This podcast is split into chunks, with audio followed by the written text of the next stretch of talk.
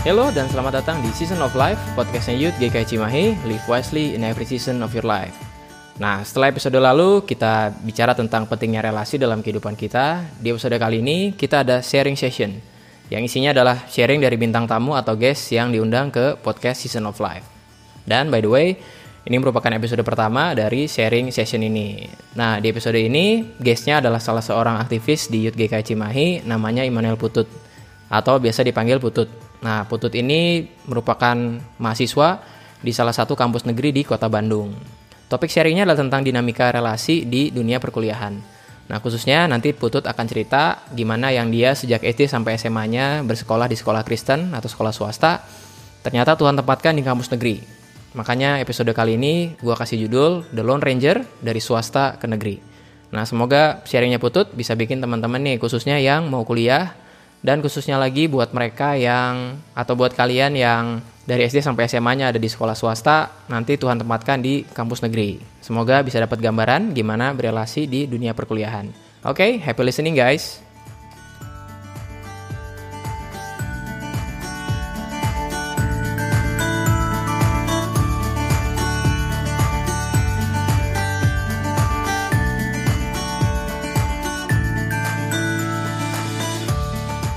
Oke, okay, halo Putut, apa kabar Putut?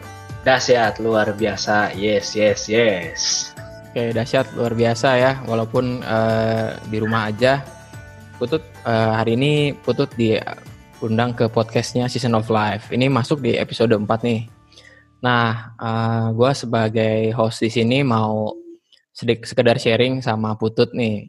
Putut ini kan uh, udah kuliah ya, Tut ya? Iya, kuliah Oke, Putut udah kuliah. Terus uh, dari minggu lalu tuh di podcast Season of Life tuh belajar tentang bijak dalam berrelasi nih. Nah, bentar lagi nih kan kemarin tuh baru beres uh, pengumuman SBMPTN, SNMPTN. Ya, SBMPTN ya. Terus nanti bakal ada eh, SNM, SNMPTN. Terus nanti bakal ada SBMPTN, bakal ada ujian ujian-ujian masuk perguruan tinggi. Nah, ini kita mau bikin podcast khusus buat uh, mereka yang transisi dari SMA, musimnya di SMA ke kuliah gitu. Nah, uh, khususnya soal ya beda banget kan, khususnya soal soal relasi nih. Nah, mungkin sebelum kita masuk, mungkin bisa kenalan dulu. Uh, nama kan Putut ya, Immanuel Putut. Terus kuliah sekarang di mana tuh? Kuliah di Polban, Politeknik Negeri Bandung. Polban, Politeknik Negeri Bandung ya. Itu di mana tuh? Mungkin ada yang belum tahu. Ya kan mungkin kalau dari anak-anak GKI Cimahi taunya Maranata ya. Iya. Nah dari Maranata itu naik dikit, mm-hmm. nanti turun naik, mm-hmm. masuk gang segala macam. Nah nanti ada tuh ketemu Polban pokoknya di situ lah. Oh ketemu Polban di situ. Iya jauh juga ya. nah, terus Putut ini ya. ceritanya ngekos atau pulang balik ke rumah tuh? Pulang balik ke rumah aja karena okay. saya orangnya nggak bisa jauh dari mamah gitu jadi harus Oke. Okay. Sama mama jadi pulang pergi. Ah, ah. kasihan nanti si mama nggak ada yang ngepelin ya di rumah ya. nah, terus um, dulu SMA di mana tuh? Dulu SMA di SMAK 2 BPK Penabur Bandung. Oh, SMAK 2 BPK Penabur Bandung. Terus SMP? Nah, SMP di BPK Cimahi, SD di SDK Paulus. SD SD-nya di mana? Paulus. SD Paulus. Gurunya mama sendiri. Gurunya mama ya. Oke, berarti kan ada nanti bisa cerita perubahan dari sekolahnya tadinya swasta terus, terus tiba-tiba kuliahnya di negeri ya. Nanti kita akan masuk di bagian itu. Nah, terus di Polban sendiri jurusan apa tuh? Polban jurusan Teknik Konversi Energi, program studi D4 Teknik Konservasi Energi. Oh, lengkap banget ya. Ya, benar banget. Itu kayaknya udah ada contekan ya. Sekalian ini promosi. oh, sekalian promosi. Oke, jadi di Polban. Nah, terus sekarang udah masuk semester berapa nih? Semester 4 tingkat 2 berarti. Oke, semester 4 tingkat 2. Oke, berarti udah sekitar uh, eh, 2 tahun ya ngalamin kehidupan kuliah. 2 tahun. 2 tahun. Nah, mungkin bisa cerita dulu nih secara global ya.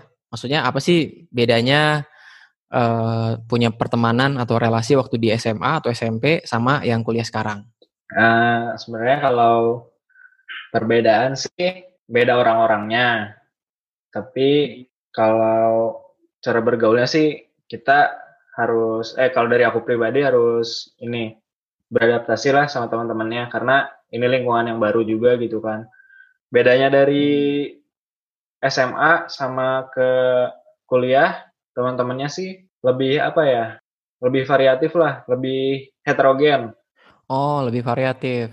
Dari berbagai uh, latar belakang suku agama ya segala macamnya beda lah oke cara temenannya juga beda ya jadi kalau nah by the way ini dari yang dari yang SMAK 2 nya tempatnya Butut dulu SMA yang masuk ke Polban tuh berapa orang kalau boleh tahu tuh dua tahun lalu? Iya, saya Lone Ranger Pak. Saya sendiri.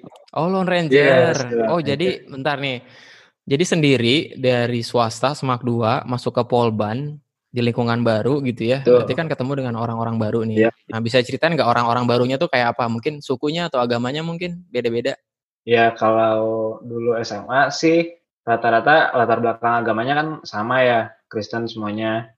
Terus kalau di kuliah sekarang di Polban lebih macam-macam ada Kristen, Katolik, Hindu, Buddha, Muslim. Ya mayoritasnya jadi temenannya sama yang Muslim. Jadi kita Indonesia banget lah. Bineka Tunggal Ika banget pokoknya mah. Oh oke okay, gitu. Nah mungkin waktu itu sempat kaget-kagetan gitu nggak pas masuk kok gini ya beda banget gitu lingkungan relasinya. Iya sih beda. Hmm, misalnya gimana? Kayak ya dari yang paling simpel lah ya mengucapkan salam ya. Yang biasanya kalau di hmm. sekolah Kristen ya biasa aja kali ya selamat pagi Tuhan memberkati atau gimana.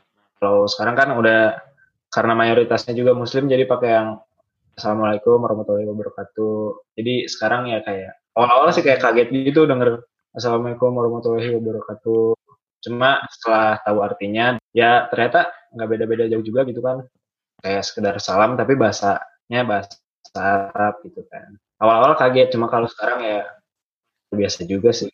Oke, nah berarti kan itu dari salam ya. Terus kayaknya tuh gue bisa nebak tuh maksudnya beda gak sih kayak ngomong ke kakak tingkat. Tadinya tuh kan kayaknya Cici Koko ya di Semak 2. Terus kayak sekarang jadi apa? Yo, Kang Teteh. Akang Teteh ya? Jadi awalnya mungkin canggung juga ya? Ah, canggung juga. Oh, terus dipanggil dipanggilnya apa? Mas gitu. Kalau dari dari adik tingkat. Dipanggil Kang juga, tapi ya gitu rada awkward juga sih sebenarnya dipanggil Kang. Oh, Oke, okay. gitu ya. Nah, um, dulu mungkin bisa diceritain nih waktu pas Putut pertama kali masuk tuh kan orang asing, mungkin ketemu sama orang-orang baru. Nah, cara Putut buat kenalan sama teman-teman yang baru itu gimana sih cara kenalannya? Cara kenalannya sih kan sebenarnya dari ospek tuh ospek kampus mm-hmm. datang pertama orang asing nggak kenal siapa-siapa ya mungkin adalah beberapa kenal karena sempat ketemu di SMP atau di SD gitu kan mm-hmm. terus ya jadi kenalannya kayak mau nggak mau gitu harus kenalan kalau nggak kenalan saya jadi mau apa-apa susah gitu kan lagian kan kita juga makhluk sosial oh oke okay. ya jadi putu tuh sebenarnya Iya maksud sosial, maksud itu nyadar bahwa uh, eh, gue tuh berarti Putu tuh nyadar bahwa pas masuk pertama kali tuh harus bikin temen ya, harus make friends supaya ya bisa lancar dalam kuliahnya gitu. Ah, karena saya juga pasti nggak akan sanggup kalau kuliah cuma sendirian. Oke, nah sekarang berarti nah e, ngalaminnya gimana sih dari yang tadinya punya teman di SMA, terus sekarang kan pertemanannya berubah nih. Sama teman-teman SMA masih keep kontak nggak atau sering ketemu nggak? Kalau sama teman-teman SMA sih ya kalau disempet sempetin kontek-kontekan tetap hmm. karena ya menjaga hubungan baik itu kan penting kan Mere berrelasi dengan baik kan penting ya pak ya iya penting penting oh berarti masih keep kontak jadi oke jadi itu lessonnya ya maksudnya relasi yang lama tetap dipelihara walaupun waktunya udah beda ya iya nggak sih ya selama itu baik kenapa relasinya nggak dipertahankan kalau menurut saya oh itu poin bagus ya. Jadi poin pertama eh, kalau selama itu baik, kenapa nggak dipertahankan walaupun Betul. mungkin waktunya udah berbeda ya Tut ya. Oke oke. Nah sekarang punya kebiasaan baru nggak? Misalnya gini, gue mau nyinggung soal lifestyle nih ya. Eh, kalau dulu mungkin kalau gue sih kebayangnya karena sering lihat Smak 2 tuh kayak apa, terus sering diundang buat bina iman juga tuh. Pada saat pulang tuh kan paling nongkrong kali ya eh, di kafe ke atau ke mana gitu ya. Nah sekarang tuh ada perbedaan nggak waktu pas lifestyle kayak gini gitu tuh? Ya, ada sih sebenarnya tergantung teman nongkrong juga ya. Teman-teman yang ada di sekitar kita. Kebetulan teman-teman nongkrong saya itu lebih ke teman-teman yang suka belajar setelah kuliah selesai. Jadi kita pulang kampus, biasanya ke kosan teman ya istirahat atau apa. Habis itu kita sama-sama kerjain tugas buat besoknya. Oh gitu. Wow. Itu sebenarnya kelompok belajar yang udah ditetapin dosen atau itu memang inisiatif dari kalian buat belajar bareng? Emang inisiatif dari kitanya sih. Berapa orang tutut? Sekitar 10 ada sih. 10 ke bawah oh. tapi 10 ke bawah. Enggak lebih dari 10. Tapi nggak selamanya belajar bareng juga. Oh, ya setidaknya kan konstruktif lah ya. Oh, terus yang Kristen berapa orang dari 10 orang itu? Dua, saya sama teman saya. Tapi teman saya yang Kristen ini jarang juga. Maksudnya sering-sering amat. Jadi yang sering ngumpul tuh sebenarnya putut ya sama mereka? Iya, iya. Nah, mungkin gue langsung bahas ke organisasi nih. Sekarang Putut ikut di organisasi apa aja di Polban? Dan itu penting gak sih maksudnya buat ikut di organisasi? Iya, menambah relasi juga penting sih. Maksudnya kenal sama kakak tingkat atau adik tingkat juga kan tempatnya kalau nggak di himpunan di mana gitu. Daripada sekedar cuma ketemu pas jam kuliah aja. Kalau yang saya ikutin sih cuma ini aja, himpunan, himpunan mahasiswanya, sama basket kadang-kadang. Oh sama basket. Berarti tuh ada temen tadi kalau gua sebut ya, maksudnya ada ada ada yang di uh, lingkungan yang bersepuluh tadi teman belajar, teman main, kemudian di himpunan yang mungkin jumlahnya orangnya lebih banyak ya. Iya. Yeah. Terus yang ketiga di basket ya.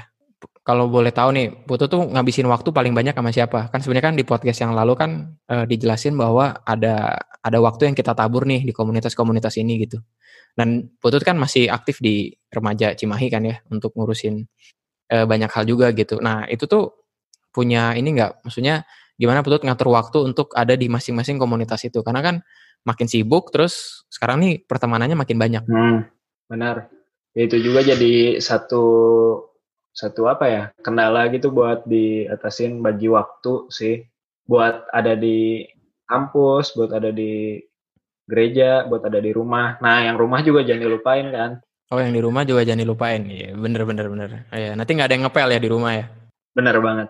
Ya jadi mungkin hari biasa sih habis beres kampus ada di himpunan dulu sampai mungkin sekitar jam 6 6 sore pulang.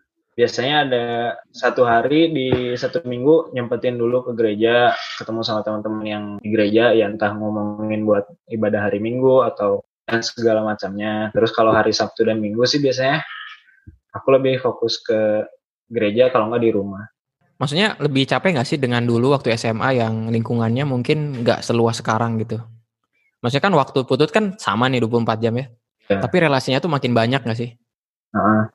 Oke, berarti memang butuh tuh punya ritme waktu kayak tadi ya, Sabtu Minggu buat di mana, terus hari biasa buat di mana gitu. Iya, tapi karena sekarang lagi social distancing sih, 24/7 tuh di rumah. 24/7 di rumah ya. Oke, sip. Nah, terus um, punya tips and trick nggak? Misalnya butuh nih, maksudnya kan betul-betul sendiri dari SMA gitu ya, terus uh, ketemu di dengan orang-orang baru di kampus baru tuh, mungkin nih ada teman-teman di Koreci kalau nggak ya di Koreci ya yang mau ke lingkungan yang baru terus kayaknya mereka takut buat nanti ketemu orangnya kayak gimana gak sih? Karena gini, ada banyak stigma gitu ya, ada banyak mindset bahwa orang-orang di kampus itu jauh lebih egois dibandingkan waktu SMA. Setuju nggak tuh? Ah, kalau lebih egois, lebih sendiri-sendiri gitu sih sebenarnya gimana lingkungan juga ya kok ya. Karena yang saya rasain sama teman-teman di kelas, ya ada ada yang mungkin nggak egois tapi punya kesibukan yang nggak di situ jadi dia nggak punya waktu di situ dan kita nganggapnya itu egois gitu. Terus uh, tapi sebenarnya teman-teman saya nggak egois sih. Kalau dengan cara tadi ngajak belajar bareng atau kalau ada apa-apa bareng gitu kan itu nggak egois. Tapi sebenarnya ya balik lagi tadi ke awal gimana cara kenalannya kan gimana cara bangun relasinya kalau misalkan udah dekat sama temennya ya pasti adalah care sama temennya juga kan nggak akan egois nggak akan mertahanin diri sendiri dirinya sendiri gitu. Oke, berarti kayak yang tadi bilang bahwa orangnya lebih egois di kuliah, kayaknya kalau dari itu sih boleh boleh gue simpulin, kayaknya tergantung orangnya ya, gimana cara yeah. pendekatan pas relasi, kemudian kenalan gitu. Nah, tips and triknya gimana tuh? Kalau Putut mungkin untuk kenalan sama orang baru tuh, apakah sekedar SKSD atau ya udahlah kepaksa gitu, nggak ada orang lain gitu ya, kayak tadi yang di awal bilang gitu kan? atau gimana tuh buat tips and triknya gitu kalau boleh berbagi? Nah, kalau kalau perasaan takut buat pertama kali kenalan sih ada aja ya kayak misalkan besok nih ospek aduh besok pasti ketemu teman beda-beda semua nih kayak takut ketemu orang baru kan kayak semua orang ada aja ngerasain. Mungkin ada semangat ada yang semangat ada yang takut. Tapi ya rata-rata mungkin takut ya. Kalau menurut aku sih ya mereka juga orang-orang yang ada di sana itu pasti ngerasain hal yang sama gitu. Maksudnya kenalan lah dari nol. Bahasa basinya gimana sih tuh maksudnya pas ngobrol tuh apakah paling paling klasik ngobrol apa sih pertama kali ketemu gitu? Pertama kali ketemu kita pasti kalau kenalan sama orang cari-cari kesamaan gitu sih ya cocok-cocokan gitu kan. Misalkan pertama ya ketemu baru pertama ketemu kenalan nama lah ya. Terus biasanya kalau ospek-ospek awal tuh nanya SMA di mana kalau nggak asal dari mana gitu kan. Misalkan SMA apa yang populer? SMA 2 lah ya SMA 2 Bandung. Misalkan oh dari SMA 2 Bandung. Kenal ini nggak? Gue punya teman soalnya di SMA 2 Bandung. Nanti ah ya cari kesamaan gitu-gitu lah kalau itu tentang pertemanan ya. Terus kalau relasi sama yang lain gitu, maksudnya eh, relasi sama dosen sama guru beda nggak? Kalau dari dosen sama guru sih kan emang dari dulu pas semua guru SMA ngomong gak sih kayak nanti tuh kalian udah kuliah bakalan beda dosen tuh nggak akan terlalu care sama kalian kayak kalian udah besar kalian yang nentuin kalian nah, gitu kan tapi kalau sebenarnya dosen yang care ada-ada aja gitu dosen yang baik ada terus ada dosen yang menuntut kita untuk mandiri ya ada aja. Itu juga gimana? Kalau menurut aku sih ya selama kita bersikap baik sama dosennya dosennya juga pasti ingat-ingat aja gitu mana yang baik mana yang nakal mana yang suka tipsen mana yang kelakuannya mahasiswa segala macam. Iya iya. Oke itu berarti ya tergantung lagi sama orangnya ya. Nah terus tadi ngomong soal tipsen lah, titip absen lah, terus pergaulannya kayak gimana gitu. Maksudnya ketika masuk di kuliah kayak gitu, ada ada lifestyle yang putut amati nggak dari teman-teman yang lain yang sebenarnya harus dijauhi dan kalau misalnya putut berrelasi sama mereka, lama-lama bisa kebawa sama hal-hal yang nggak baik. Uh, ada sih sebenarnya kayak sekarang kan kalau kuliah tuh jamnya nggak kayak dari jam 7 pulang jam 2 atau jam 3 sore gitu kan. Mungkin kayak masuk jam 7 sampai jam 9, nanti masuk lagi jam 12 sampai jam 3. Nah, ada gap kosong tuh. Nah, rata-rata kalau ada yang paginya nggak kebangun, ya udah skip kelas aja yang paginya, nanti masuk yang siang atau misalkan pagi datang nanti istirahat dulu di kosan, taunya bablas nggak lanjut kuliahnya. Terus kalau yang ngajak absen ada nggak? Kayak ngajak udah lah nggak usah masuk kuliah gitu? Nah, yang gitu-gitu kadang-kadang ada. Cuma emang berat pak matkulnya. Jadi kalau nggak masuk sebenarnya nggak nggak akan bisa tahu apa-apa ya?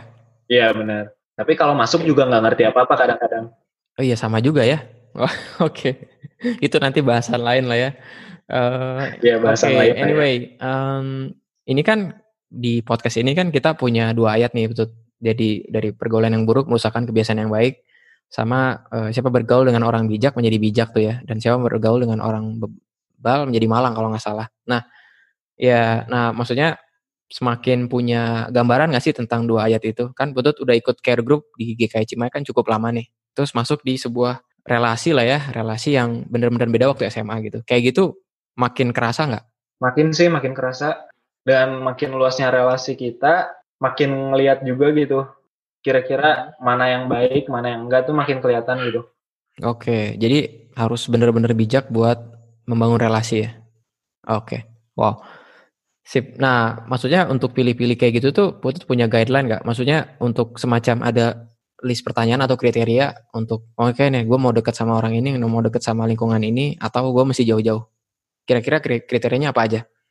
Yang pertama nyaman dulu. Kalau kita nyaman sama orang itu, mungkin ke depannya juga bisa jadi lebih baik. Tapi harus hati-hati juga masuk ke yang kedua kalau kita nyaman, ini tuh nyamannya bakal nyaman yang konstruktif atau nyaman yang destruktif gitu. Oke. Contohnya gimana tuh? Maksudnya nyaman yang konstruktif emang destruktif tuh gimana? Kalau nyaman yang konstruktif, ya kita nyaman ya, udah nyaman, terus diajak kerja bareng bisa, diajak belajar bareng bisa, ya maksudnya semua tugas, semua yang menjadi kewajiban dan tanggung jawab tuh bisa terlaksana gitu dengan teman yang bikin nyam, kita nyaman ini. Oh, Oke, okay. jadi nyamannya memang ke arah yang baik ya. Oke, okay. sip. Kalau yang destruktif gimana?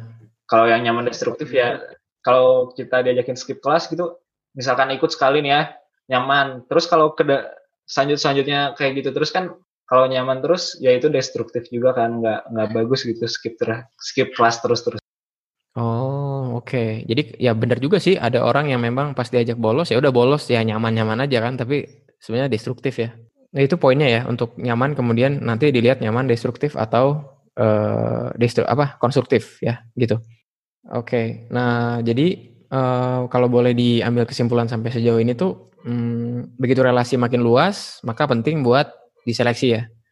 Terus tadi Putut ada satu poin yang ba bagus tentang nyaman. Nah, nyaman itu bisa konstruktif, bisa destruktif ya. Terus karena kelihatan dari lifestyle-nya juga gitu. Nah, eh, yang lainnya sih mungkin eh, ketika berelasi ini tuh ada perbedaan nggak sih nanti? Eh, maksudnya ketika sekarang tuh ada perbedaan nggak untuk berelasi dengan kakak tingkat misalnya? Beda dengan waktu dulu kakak kelas waktu di SMAK 2 gitu. Oh, kalau berelasi sama atau di tingkat sih. Mungkin sekarang karena jarang ketemu di jam kuliah atau emang gak pernah ketemu juga ya. Ketemunya tuh karena program kerja. Jadi karena pernah kerja bareng kenal ya susah bareng ya bisa dibilang susah bareng kan. Karena ngerjain sesuatu bareng itu akhirnya jadi kenal Oh, tadi ya kalau kayak ke, apa ketemu sama orang baru cari kesamaan ya. Nah, kebetulan kesamaannya kayaknya susah bareng ya. Pas susah bareng oh ya udah akhirnya senasib penanggungan gitu. Kalau di SMA kan kayaknya cuma kenal kenal kenalan aja gitu kan. Kayak kenal main bareng. Jadi kayak nggak pernah ngerasain yang susah bareng juga sih sama kakak tingkat. Oh, oke. Okay. Itu bedanya ya. Ya, jadi kesusahan tuh sebenarnya bisa mempererat relasi ya, bukan cuma senang ya. Oke, yang penting susahnya jelas kan, ada karena ada susah yang nggak jelas juga gitu. Iya benar. ada yang susah cuma bikin pusing nggak bisa diambil pelajaran. Ada yang susah bikin pusing. Oke, nah uh, mungkin mungkin balik lagi ke awal tuh. Jadi ketika Putut dari Semak 2 sendiri ke Polban tuh Uh, sekarang kan kayak lagi rame nih ya tentang bukan lagi rame ya dulu mungkin di zamanku lagi rame tentang penting gak sih buat ikut ospek gitu? Kan ospek itu kayaknya berlapis-lapis yang nggak sih? Di Polban ada beberapa kali os ospek tuh. Iya sebenarnya nggak ospeknya tuh cuma ospek kampus aja.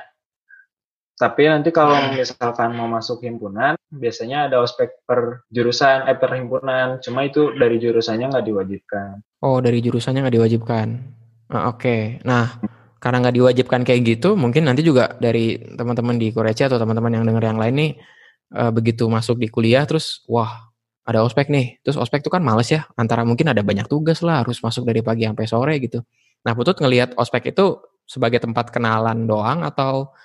Menurut aku sih, ya penting-penting aja karena udah beda juga gitu kan dari yang dulu siswa sekarang mahasiswa mengenal kehidupan kampus mengenal kehidupan seorang mahasiswa yang udah lebih besar gitu kan dari cuma sekedar siswa yang ternyata punya tanggung jawab lebih di masyarakat, punya lima peran dan fungsinya. Dan ya gitu deh.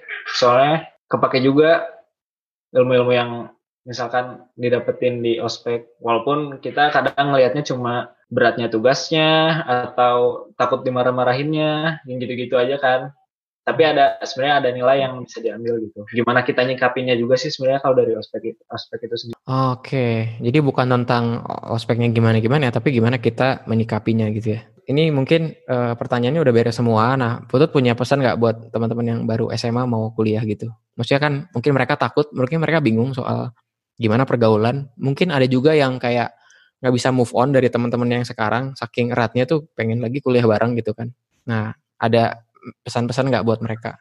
Kalau buat teman-teman yang baru mau masuk kuliah sih, uh, selamat datang di dunia yang sebenarnya. Enggak kayak tamu. Oke. Okay. Uh, percaya aja kalau sama teman-teman yang dulu sih, yang namanya beneran teman yang tetap membangun, nggak akan ke mana gitu. Jangan takut sama lingkungan yang baru, jangan takut sama kebiasaan yang baru. Oke. Okay. Karena kalau kuliah keinginan dari kita sendiri juga kan mau nggak mau harus kita hadapi gitu kan. Hmm. Oke, okay. dihadapi termasuk pertemanan yang berubah ya.